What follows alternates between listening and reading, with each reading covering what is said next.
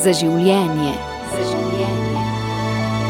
Lepo pozdravljeni in dobrodošli v današnji oddaji za življenje. V njej pa prav lepo pozdravljam današnjega gosta. Z nami je profesor dr. Tomaž Erzar, profesor na Teološki fakulteti Univerze v Ljubljani in tudi psihoterapevt. Dobrodošli. Pozdravljeni. Smo eh, pravzaprav v eni najlepših sobot, bomo rekli, počitniški, eh, prvi počitniški.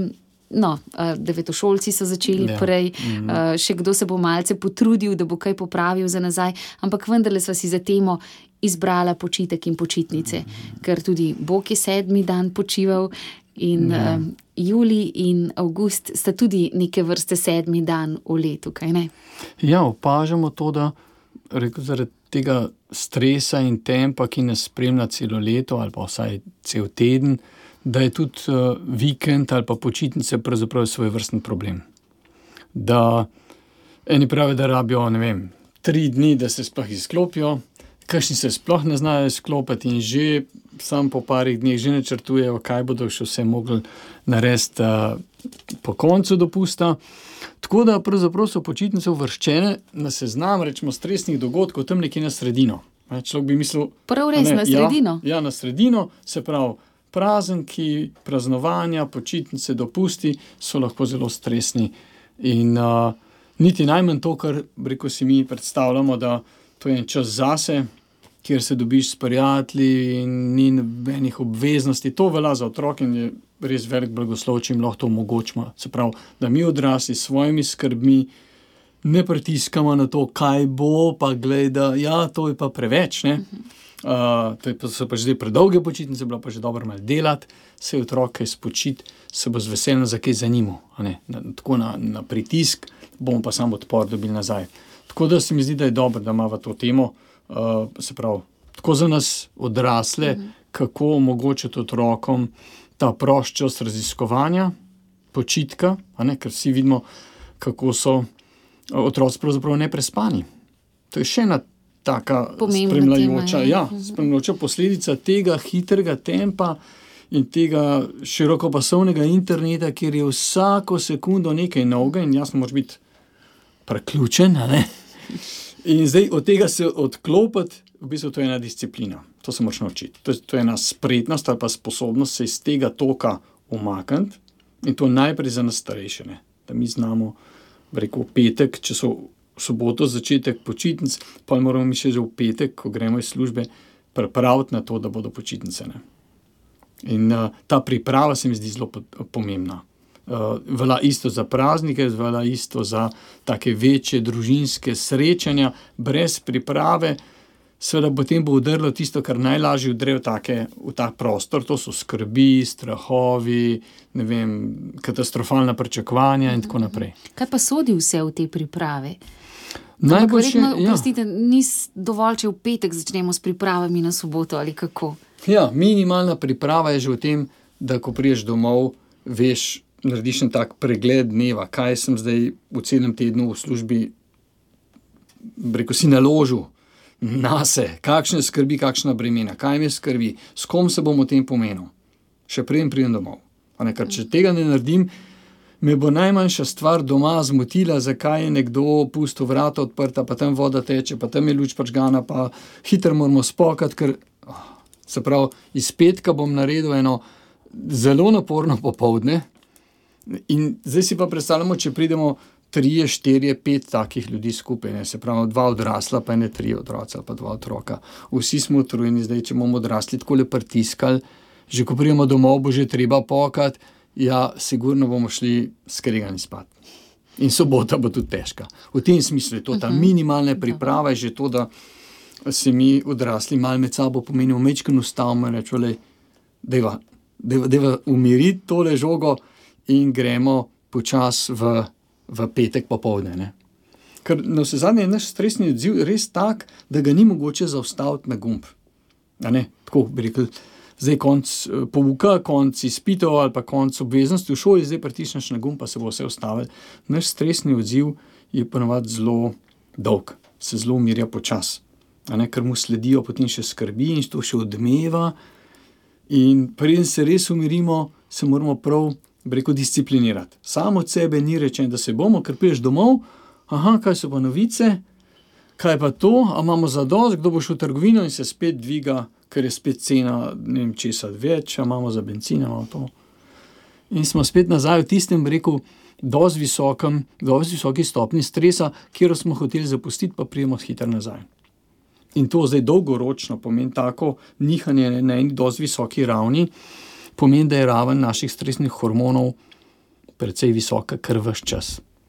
To je pa potem dolgoročno nas izčrpa in jasno, potem sobota zjutraj nima noben več vesela za počitnice. Dobro, to malo karikiramo, ampak približno tako je. Ja. Torej, ta priprava, potem, uh, kot ste rekli, pomembno je, da se otroci ne spijo. Mogoče bi tole ja. res naslovila najprej na odrasle. Sama puščam svoje najstnike, da se res ne spita, ja.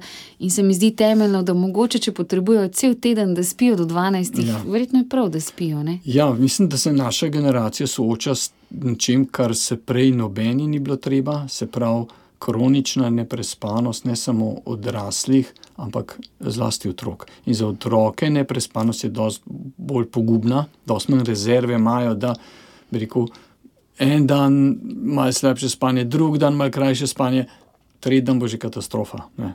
Še prej, ne. mogoče mi, da zdržimo ne dva dni, ampak pri njih se pa to pozna.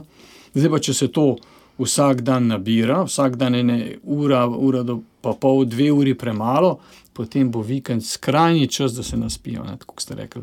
In to bomo videli po razdražljivosti, po slabi koncentraciji, po tem, da se jim nič ne da kot rečejo, in takrat nas kar, oh, mi se kar naježimo, ker se jim nič ne da, kako jim že začnemo razmišljati, kaj bo to zdaj, joj, kako bo z njimi tam, kako bo v službi, se iz njih nič ne bo. V bistvu so pa vzroki dosti bolj, bi rekel, mehki, manjši, ampak neprepoznavni in to je najprej se ne naspijo. Pa bo pa zrasla in energija, tudi sposobnost sedeti za mizo, se pogovarjati manj bo te razdražljivosti, pa, pa tega ne da se mi. Ne. No, in potem, ko so naspani, ko se odpravimo, mogoče na kakšne počitnice, nekam, so tudi pričakovanja druga. Že, smo seboj, uh, že v paru smo med seboj različni. Ne? Ja. Naprimer, ne vem, mož vstaja zgodaj, ja, ja, uh, žena počne nekaj drugega. Potem otroci, vsak ja. svojega vetra, po, po, ponavadi še en najstnik, en mlajši. Da je to kar tako ja. pisana družščina. Ja, res... zdaj, če se predstavlja, ja, to ste se rekli, sobota zjutraj. Ja. En bo rekel, ja, hiter v hribe, zgodaj ja, moramo vstati. Drug bo rekel, je sobota, pa to je dan, ko lahko spim do desetih, enajstih. Ja. A ne, imamo spet nov razlog za, za težave. No, tudi tle so potrebne priprave. To je pa zdaj malo več treba uložiti, kot to, da samo pač petek nekako speleš in da imajo vsi razvijo, da je zdaj konc šole, da si lahko vdahne. Da tudi, rekel, to, tisti čas, ki ga imajo zdaj, ki je prost čas, res preživijo tako, kot želijo. Ne? Ampak to ni tako enostavno. Ne? To, kar rečemo, ja, pač deli nekaj, kar te veseli. To je po enem tednu ali pa po enem letu izpraznega, precej stresnega življenja zelo težko odkriti. Tudi mladim. Zato posežejo po tisti stvari, ki je najbolj enostavna, ki je najbližji, to so ti pametni telefoni, ki ne rabiš veliko. Ne, rabiš no, nobenega poklicati, neč, vedno imaš zabavo in je tako rekoč neskončno, samo prst moš premikati in že nekaj delaš, za, si misliš, za svoje, reko, uh, za dobro počutje, da se malo sprostiš, ampak tam kar gre, ena ura, dve, tri. In tle spet je malo več, se pravi, z naše strani, treba malo več uh, pozornosti na to, da jim pomagamo načrtovati. V tem smislu, je dobra ena ura, recimo, da se malo odpočiješ, ležiš v hladu, uh, se naspiš, mogoče celo malo na internetu si, ampak gledaj, potem imam pa eno idejo. Tukaj moramo biti ravno tako inicijativni in pač samo reči, zdaj sem se jaz oddahnil. To ne bo, rekel, ljudem okoli nas ne bo dal nobenega sporočila. To pomeni, vsak ne dela tisto, kar je najlažje. Da uh, ljudem vedeti, da, oziroma tem družinskim članom vedeti, da je pa ta čas, ki zdaj pride, lahko napolnjen z enimi stvarmi, ki ne bodo veliko energije pobrali, ker bomo vsi zadovoljni, tukaj pa treba malo načrtovati. Se pravi, se usest, mogoče po tisti uri prideti skupaj ob enem soku ali pa sledoledu in začeti čisto prosto malo govoriti o tem, kako bi pa mi zdaj. Recimo ta vikend preživela, pa kako bi mi zdaj, dokler ne gremo na more, ali dokler ne gremo, ne vem, recimo, v hribe, na počitnice, kaj bo kdo delal.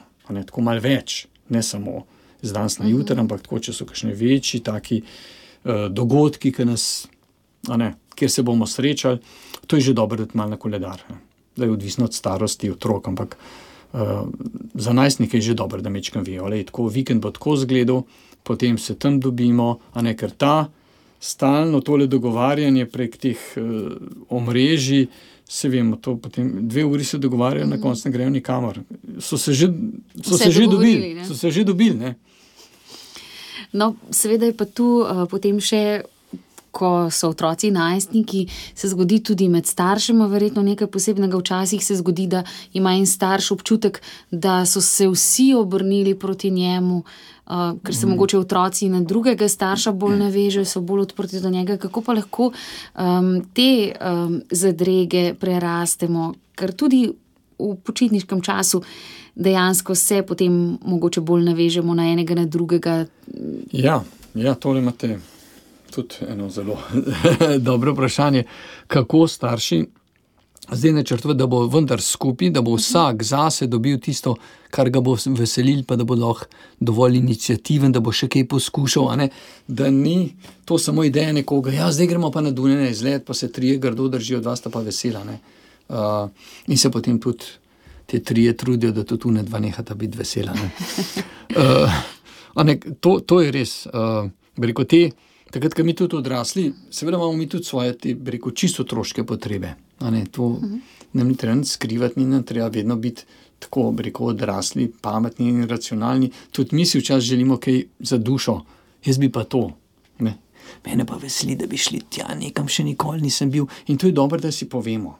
To ne pomeni, da bomo zdaj vsi leteli gledati en slab, ki me zanima, ampak da, le, le, da začutijo otroci, se mi zdi pomembno, da je nekaj, kar tudi Ata veseli. Da je nekaj, kar se Ata raz, obraz samo razjasne in, in je pripravljen nekaj narediti, da bi vsi šli pogledati slab. Ne? Ker če pa stalno delamo samo na tem, da se morajo odpovedati, odpovedati, potem se v to nabrali. In otroci so tudi to zapomnili, da je v bistvu skupno življenje, pa skupne počitnice so v bistvu eno odpovedovanje. Stalno odpovedovanje, prilagajanje, na koncu pa vsi tako ne, na pol srečni, oziroma na pol nesrečni. Tako da to je že dobro, da vsak pove, recimo, da imamo eno tako družinsko debato, da vsak pove, kje bi se pa res on našel, kje bi se mu pa res tako. Jaz bi, pa, jaz bi pa poskusil, ne vem, skanujem je čez Bohinjsko jezero, pa nazaj. Ja, to bi bil en izziv. Prav, mladostniki zelo veliko potrebujejo takih izzivov. Vse se jim bodo upirali, ampak če bodo pa tako dobro organizirani, da bodo tam še ni drugi fanti, pa še ne druge punce, pa bomo vzeli tri kajake, pa bomo šli tja pa nazaj, je pa to lahko že kar en lušten izziv. No, to sem vas hotela ravno tudi vprašati, kako je s tem povezovanjem družin. Veliko krat so mladi uh, bolj zainteresirani, če vedo, da gredo tudi so vrstniki. Ja, ali ja. pa zadnjič mi je kolegica rekla, da gredo na morje vedno na isti kraj, že čez 20 let stari. Uh, otroci, družba, mladi, ker je tista ja, družba, ki ja. se vedno takrat dobi. To je tudi to je, zelo to je zdravo. Ne? To je dejstvo, zelo zdravo, ker jim to, se pravi, v tej dobi telefonov in to da eno pristno izkušnjo stika, povezanosti, se pravi socialne spretnosti, kar spada še zraven. Mladostniki so po tej plati res močno navezani na vrstnike, to se mi včasih sploh ne predstavljamo.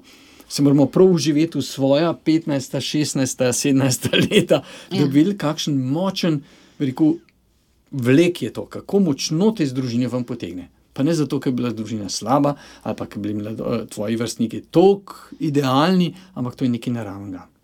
Naravnega te, v tem smislu, da se začutiš kot samostojen, tako že na pol odrasel in zdaj ta vrstniški odziv, ki ga dobiš, da so to v redu, da so tvoje hlače v redu, da je zdaj frizura v redu, to je tako pomembno.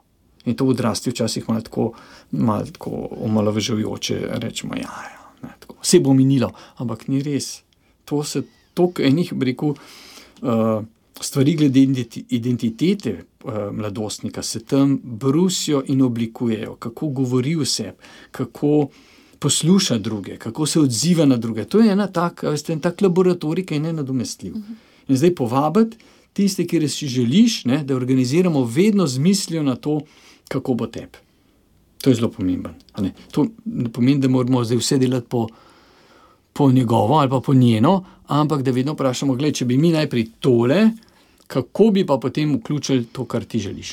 To, kar je pa te pomembno za ta dan. In to moramo kar vsak dan sprotno črtvati, zato ker uh, zelo težko bomo pri mladostniku rekli, da tri dni boš se dolgočasil, pa bo pa neki zate. Ne? To, to nič ne pomeni. Še mi ne vemo, tri dni, to ne bene predstave. Kaj, kaj zdaj to pomeni? Ne? Vsak dan mora biti nekaj. Mogoče za mlajše pa celo vsak del dneva, se pravi, do povdne bo tole, bo malo težko, pa bo pa nekaj zate, pa spet naprej. Vedno mora biti neki eh, rekel, en prostor, en čas, kjer se bo otrok našel, kjer bo imel en izziv. Včasih tudi tako, da bo pač rekel, da bomo pa tle kamne metali v ta lepotok, v redu smo pa malo stali, pa bomo kamne metalne. Ali je pomembno, ali oziroma potrebno, da tudi med počitnicami otroci in mladi izdelajo urnik? Ja, to, to se tudi mi doskrat sprašujemo. Uh, ko gledamo, kako je to kampansko. Uh, Reko, kampansko je že samo učenje, uh -huh. potem tudi dojemanje časa postane kampansko, se pravi, nekaj še stisnem, in potem uh -huh. je prazen prostor. Tako da zdaj ta urnik, to ne pomeni šolski urnik. Ja, seveda, tega mislim. Je dejavnosti, tak, tako en tak pač obveznosti. Urnik, ki sledi tvojemu zanimanju, tvojim izzivom. Kar ne pomeni, da v tem urniku mora biti uh, veliko prostega časa, uh, reko praznega časa, ker to ni isto. Pra, prost čas pa prazen čas. Prazen čas je tisti, ki rekel, bo nekaj v notu udrlo, ponovadi nekaj slabega ali pa manj kvalitetnega. Uh, prosti čas je pa to, kar je en minimum načrtovanja, kako, kaj tebe veseli. To bi jaz rekel, da je treba uh, paziti, da v tem smislu, da imamo en urnik. To bo, rekel, to bo prost čas, čim manj pa praznega. Ker Kajšni potem starši seveda mislijo, da je treba ta prazen ali pa prosti čas, kako koli, da ga je treba napolniti s kakšnimi šolskimi vsebinami ali pa s kakšnim učenjem, kar je spet sicer zelo dobra ideja, ampak ne bo nekaj, kar otroka veseli. Nekaj, uh, ugotavljajo raziskovalci učenja pa otroških možganov, da pač možgani se zelo radi učijo tam, kaj zraven vesele pa ki ni uh, ta pritisk ali pa strah. Ustrahovani možgani, možgani pod pritiskom se sicer nekaj naučijo, ampak potem poskrbijo, da tista stvar hitro zgine, ker je povezana s tesnobo pa z, z napetostjo. No, in to je težava tega. Če bi imeli en tak urnik, ki bi mi hoteli otrokom ponuditi nekaj bolj kvalitetne učne vsebine ali karkoli, kakšen jezik ali glasbilo ali kaj takega, mora biti veliko okolj. Eh, kvalitetnega, prijetnega časa, da bi potem zmogli mogoče eno tako vajo ali pa en tak izziv, mogoče kakšen račun, kakšno branje eh, literature, eh, kakšno gledališče, kakšen koncert krajši. Včasih se mi zdi, da je izginilo to sveto brezdelje da je dobro tudi za otroke, da nimajo ničesar, da si sami razporedijo, da mm -hmm. so na ulici, igrajo vzdan košarko, nogomet. Nekateri otroci imajo dejansko splanirane počitnice od prvega do zadnjega tedna. Se mi zdi, da po mojem občutku je tudi to za nje napor, ker so v tujem okolju, ker se prilagajajo mm na vedno nove odnose in tudi dejansko imajo vse čas neke dejavnosti. Ja, Ja, to potem začne spominjati, po mojem, že kar na, na, ta, šolo, na šolski na urnik, čas. Uh, zdaj, odvisno, če se otrok najde, če je mm. mogoče motiviran za kakšen šport, za kakšno tako dejavnost, se mu to gotovo zdi tudi zelo dobro, mm. da ima tako strukturiran, da bo pol to, da je pol tekmovanje, da so pol priprave. To je že v redu, samo potem moramo starši poskrbeti, da ni samo to. Mm -hmm. Tudi če ga nekaj tako močno potegne, neko plavanje, drsanje, ne vem, kakšen uh, zahteven šport ker gotovo bo treba veliko odpovedovanja, ampak treba paziti, da, ni, da nisem to.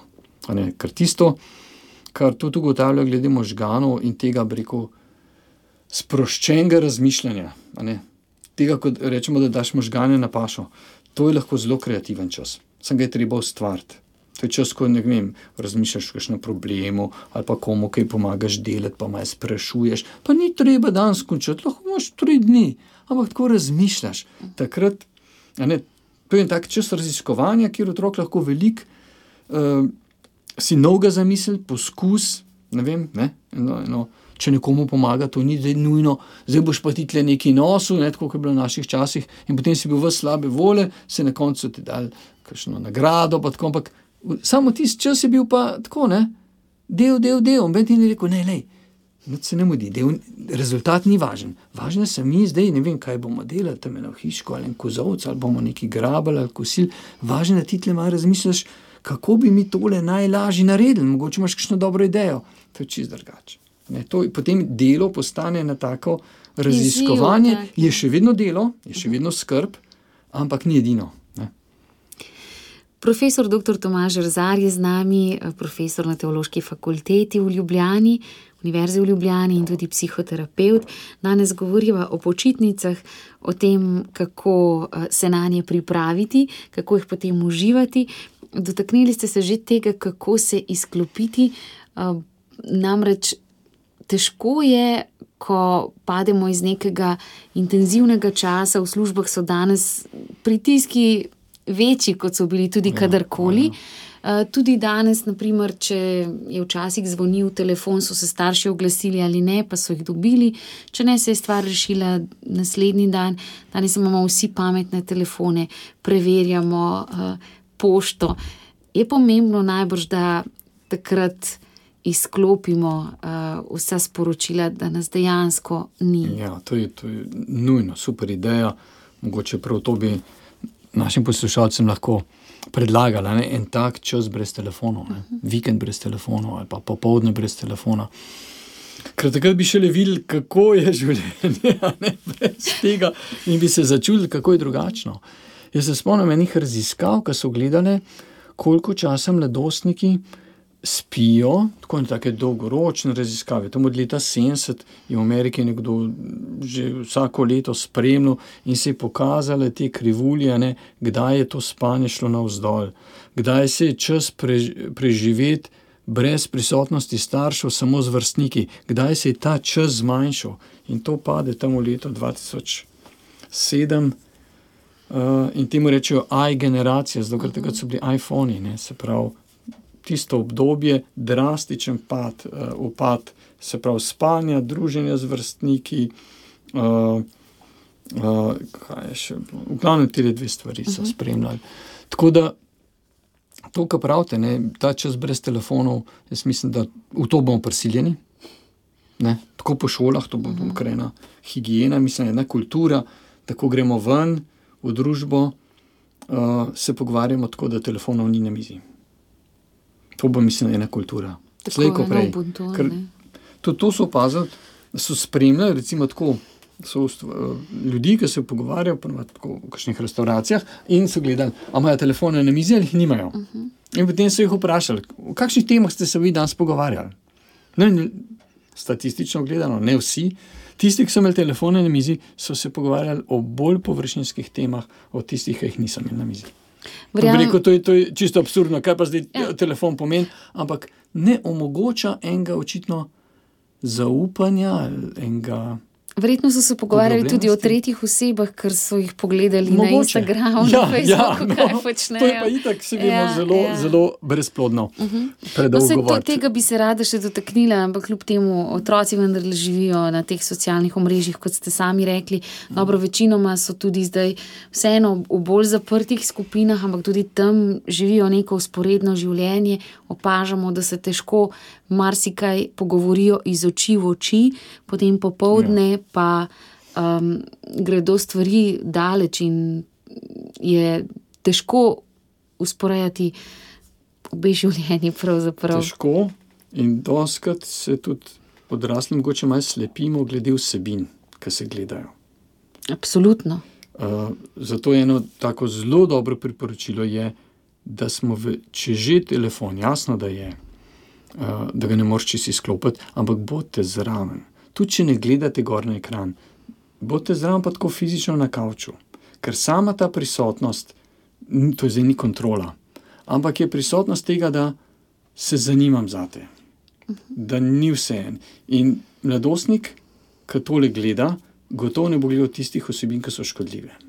In danes vemo, da že tam od 13 let naprej so te vsebine tako tudi v te uh, družabna omrežja, so pač vključene na ta način, to so glavno spolne vsebine, ne? mislim, perverzne spolne vsebine, ki jih mladostnik takrat posrka, ker ga zanima in je to normalno, nič narobe z njim, ampak so ti, rekel, načrtovalci teh uh, omrežij, oziroma teh platform, uh, to tako spretno posejejo, take vsebine, da je potem ni daljč od tega, rekel, ne take redne uporabe teh, uh, teh omrežij.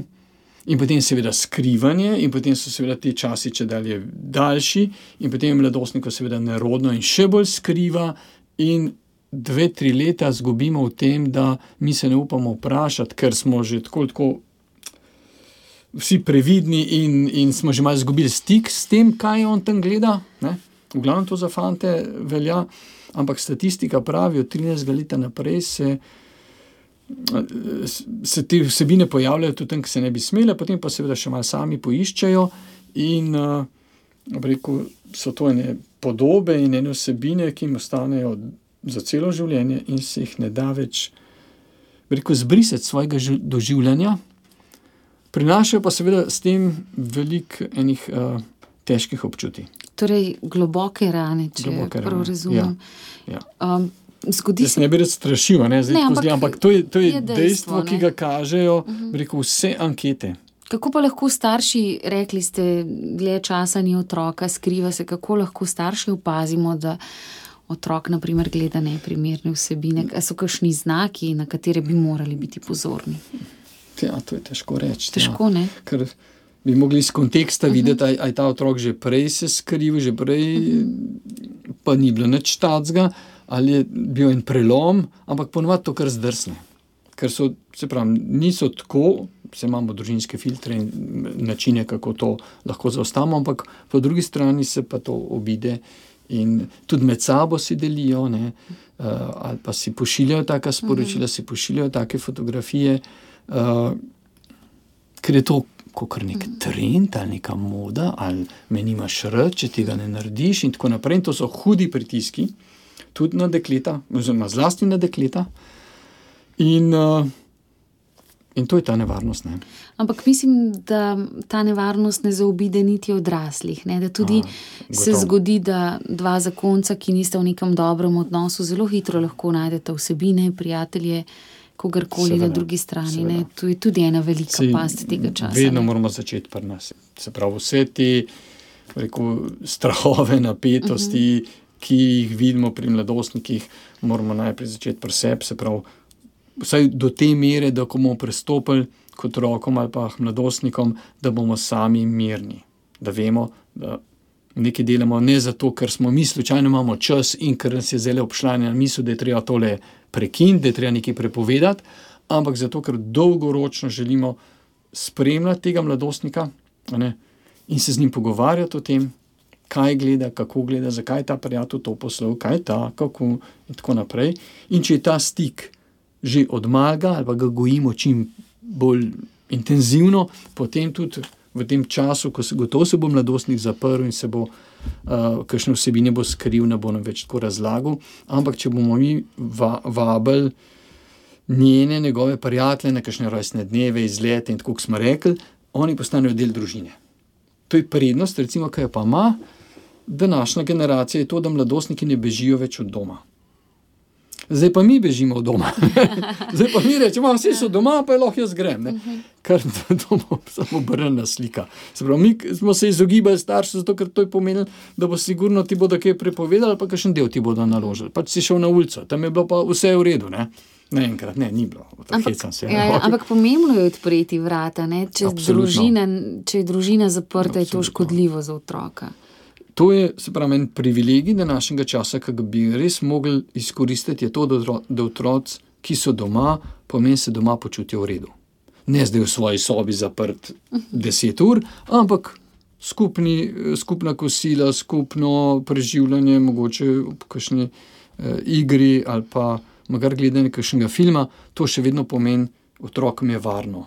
In v ta dom povabiti vrstnike, to včasih ni bilo tako mogoče, mogoče tudi zaradi vem, prostorskih uh, omejitev, ampak danes ne, se vedno najde kakšna soba, kjer se lahko oni družijo in to, to je najboljša varovalka. Uh, pred tami, temi nevarnostmi, so prej govorili, se pravi, nekih internetnih zasvojenosti in, in uh, zlorab. In najbrž je to tudi najboljše opolnomočenje za mnoge, ki naprimer, ne bodo potovali v kakšne daljne države, mogoče niti ne bodo šli do morja, mogoče bodo bolj doma, ampak če bodo obkroženi s prijatelji, s konkretnimi bližinami, uh, se imeli lepo, bodo lažje prenesli tudi to primerjanje, ki zdaj smo mu priča, še odrasli, nismo imuni. Ne? Ko je kup fotografij po Instagramu, Facebooku, no in si rečeš, joj, lepo privoščima, ne, sam pa imaš ali kaj narobe počnem ja, ali ne dam ja. dovolj. Uh, tu bi si tudi odla, odrasli lagali, če bi rekli, da nas čisto nič ja, ne premakne. Ja, smo imuni in ne, da ko vidimo tako, ja. človeka na jahti, kako leži, ja. si mislimo, o, reveš, ne. Koliko mu je hudo, ne. Ja. Uh, ja, to imate zelo prav, ne, da smo mi tudi nasedemo doskrat in si mislimo, ne bomo pač zdaj z denarjem nekako ujeli nekaj, ne? uh mhm. -huh. ali pa da otroka ne bomo prikrajšali za nekaj, bomo dali raje malo več denarja, ampak si bomo potem lahko oddahnili, da smo dobri, da nam je uspel dopust ali pa počitnice. Sam se, se veste, na koncu. Če se spomnimo lanskega leta, kako pa je bilo lani, smo res z denarjem, pa z enim takim velikim izletom, z velikim, ne vem, takim uspehom, ne vem, kam smo šli, a smo res dobili ta stik, pa tisto veselje, ki bi ga ki je trajal malo del kot, kot tiste par dni, pa kar je bilo potem na, na Instagramu razdeljeno in všečkano, in, in to je bilo to. In uh, to za, no, zlasti za odrasle valane. Enkrat so tako naredili, da so rekli ljudem, lahko vzamete denarno nagrado ali pa v isti višini, kot je ta denarna nagrada, vam organiziramo eno potovanje. In potem so jih čez čas vprašali, no, kako ste bili zadovoljni. In si lahko mislite, tisti, ki so šli na potovanje, so nekaj doživeli. Tisti, ki so vzeli denar, niso nič doživeli. Lahko so še kaj kupili, ampak sigurno si niso organizirali enega takega bogatega potovanja. Preko eh, bogatstva v smislu ne? doživetja, mhm, izkušnje. Uh -huh. In če že načrtujemo kaj takega, se pravi, z otroci moramo vedno razmišljati o tem, kakšna bo njihova izkušnja. Ne, ne da jih vozimo po muzejih in gledamo neke stvari, ko sem čakajo, kdaj bodo šli lahko ven. Ampak, kot so prej rekla, vedno mora biti, če že gremo tja, tam bo tole zate. In to ne sme biti uh, samo pet minut.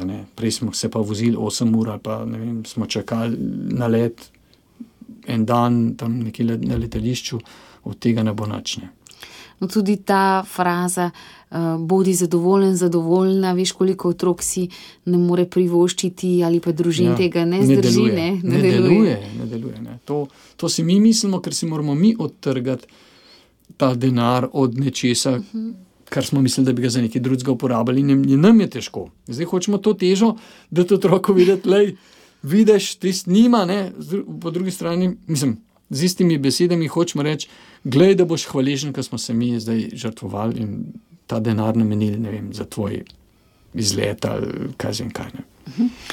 Profesor dr. Tomaž Zar, ko uh, spremljam svoje otroke, pa mnoge otroke v svoji okolici, se mi zdi, da je pa en tak lep načrtovan uh, čas oratorij, da je pa res ja, premišljen. Ja. Tam pa se mi zdi, da dobijo otroci drug od drugega podporo, starejši od mlajših, odgovornosti so jim naložene in opravijo jih z odliko, in potem so nagrajeni, da so nekaj dobrega naredili. To se mi zdi tek, tak univerzalen, ja. uh, res. Uh, Jaz mislim, da je še dosti premalo vrednoteno to, da v slovenski cerkvi je dosti spontano, bi rekli, ne da bi bilo treba ne vem kako preganjati, kot ste rekli. Uh -huh. Uh, mladostniki niso vključeni, bodo animatori in da tole teče. In potem, ko gledamo tam v tedniku družina, ko gledamo, koliko je tega, ne, si mislimo, ja, kako da ne. Ali pa sploh nisem tega opazil, ampak to je res. Povsod se, preko po vseh župnijah se to skoraj organizira in uh, brez velikih sredstev, z velik uh, zadovoljstva. In uh, jaz si mislim, da moje najlepše izkušnje so bile, nismo imeli oratorij, vmes smo pa izlete. Uh -huh. To je bila najlepša stvar. Ne? In jaz bi zelo priporočil tem našim ali, ali študentom teologije, ali pa bodočim redovnikom, redovnicam, duhovnikom, bodite z otroki, pelte jih nekam. Ne? Romajte. Ja. Na hrbtnik na ramo tako, ja. in eh, podvig, nočni mm. pohod, ne vem kam na pohorje, spanje tako, drugačno, to ostane. To je taka izkušnja, ki ne vem, ti ne more nobeno potovanje na Karibe, ti tega ne bo dalo. Absolutno ne. Profesor dr. Tomaž Razar, včasih si za počitnice rečemo, da je to zaključek nečesa, torej je čas za počitek, po drugi strani je pa tudi načrtovanje. Ali pa uh mhm. -huh. včasih kaj odložimo, pa rečemo, to bomo pa ja. med počitnicami. Um, ampak tudi tu si pravzaprav ne smemo nalagati preveč najvrš. Ja, če v tem stilu. V tem delovnem stilu, ko mislimo, kako je to treba, in da bo rezultat potem čim prej. In, In potem zdaj delavcev ni, ampak mi bi pa mogli to narediti in se čaka, in potem je to ena velika mora. Ne? Tako da, če so otroci vključeni, absolutno tega ne sme biti. Potem, da jim morajo to nekomu drugemu za narediti, tisto, kar pa delamo skupaj, mora biti pa za njih, torej, seveda, starosti primerno, ampak mora biti za njih vedno en izziv. Če bi on nekaj namešali, če bi nekaj pobarvali, pa to bo tudi ena tako lahko čudovita izkušnja. Uh, ker se bodo nekaj naučili, preko nespretnosti, ker se mi zdi, da danes uh, se zdi, da je vse tako, ne? vse je na klik. Uh mhm. -huh. Tudi ustrajnosti, ne? čisto te konkretne ja, se lahko ja. naučijo. Naprimer, lahko kuhajo, ko med letom ni časa. Ja.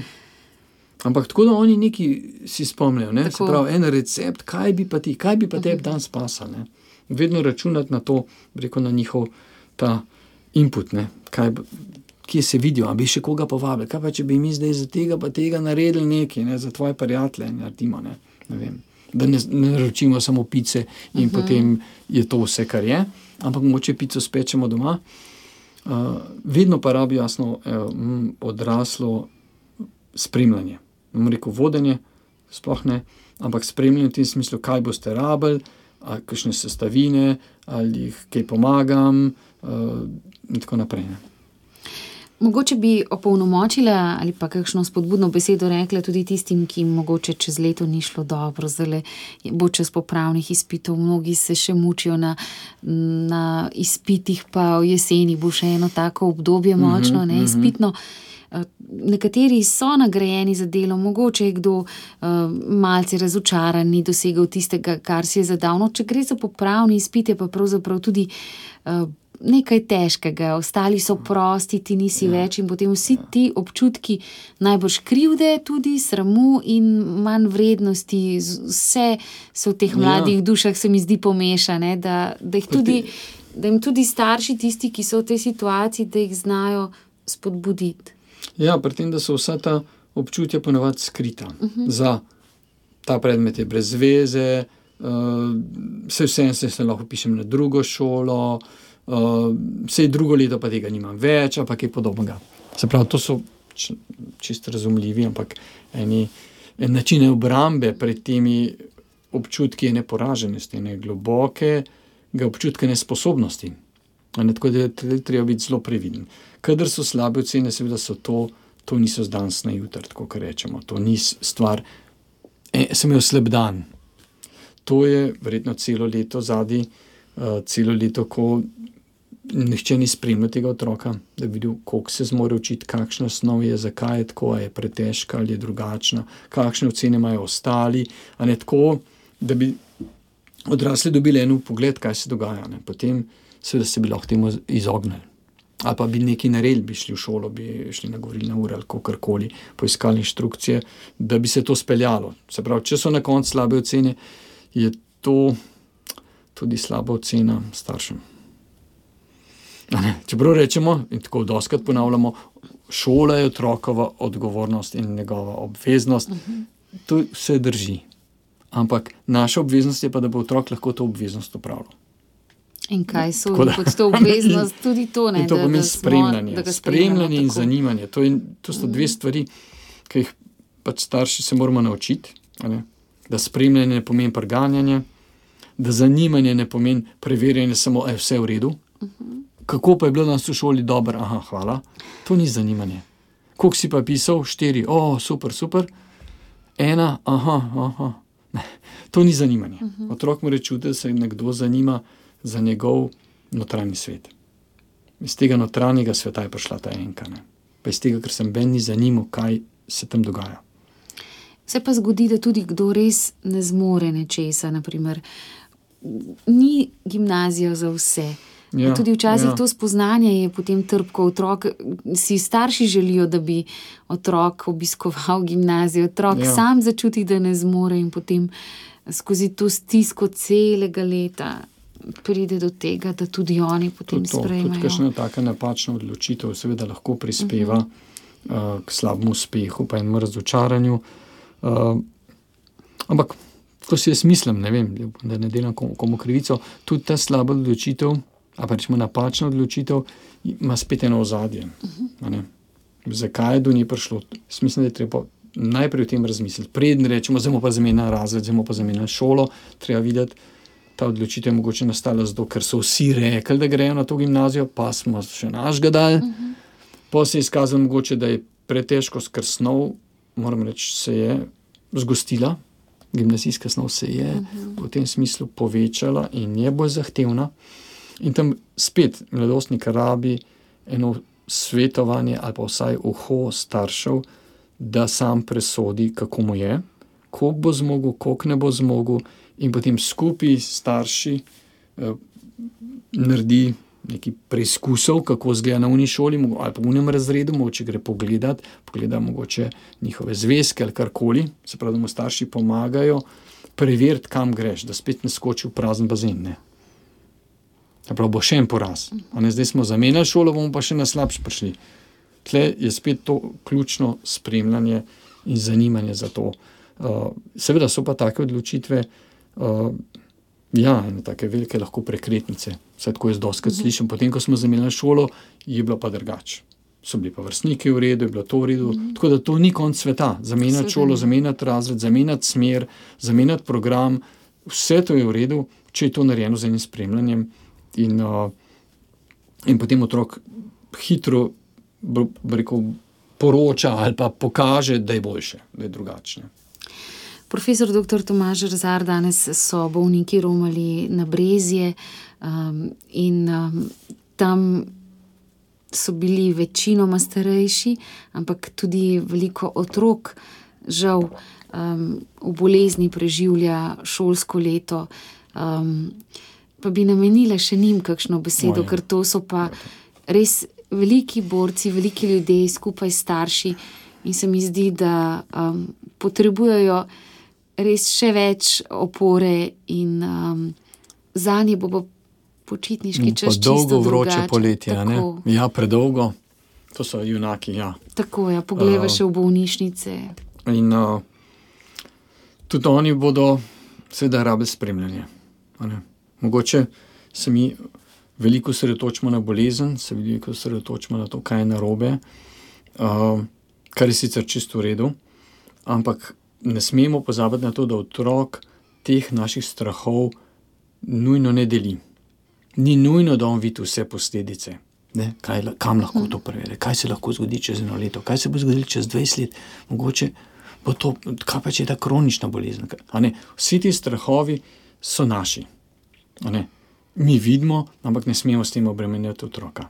To se mi zdi ena glavna taka, preko varovalka. Se pravi, spremljamo spet otroka v njegovem doživljanju. Če je zdaj vesel, da gre na boljše, smo pač veseli, sicer mu ne obljubljamo ne vem, nekih lažnih upov, mu ne bomo dajali, ampak bomo veseli, da danes je pa boljše.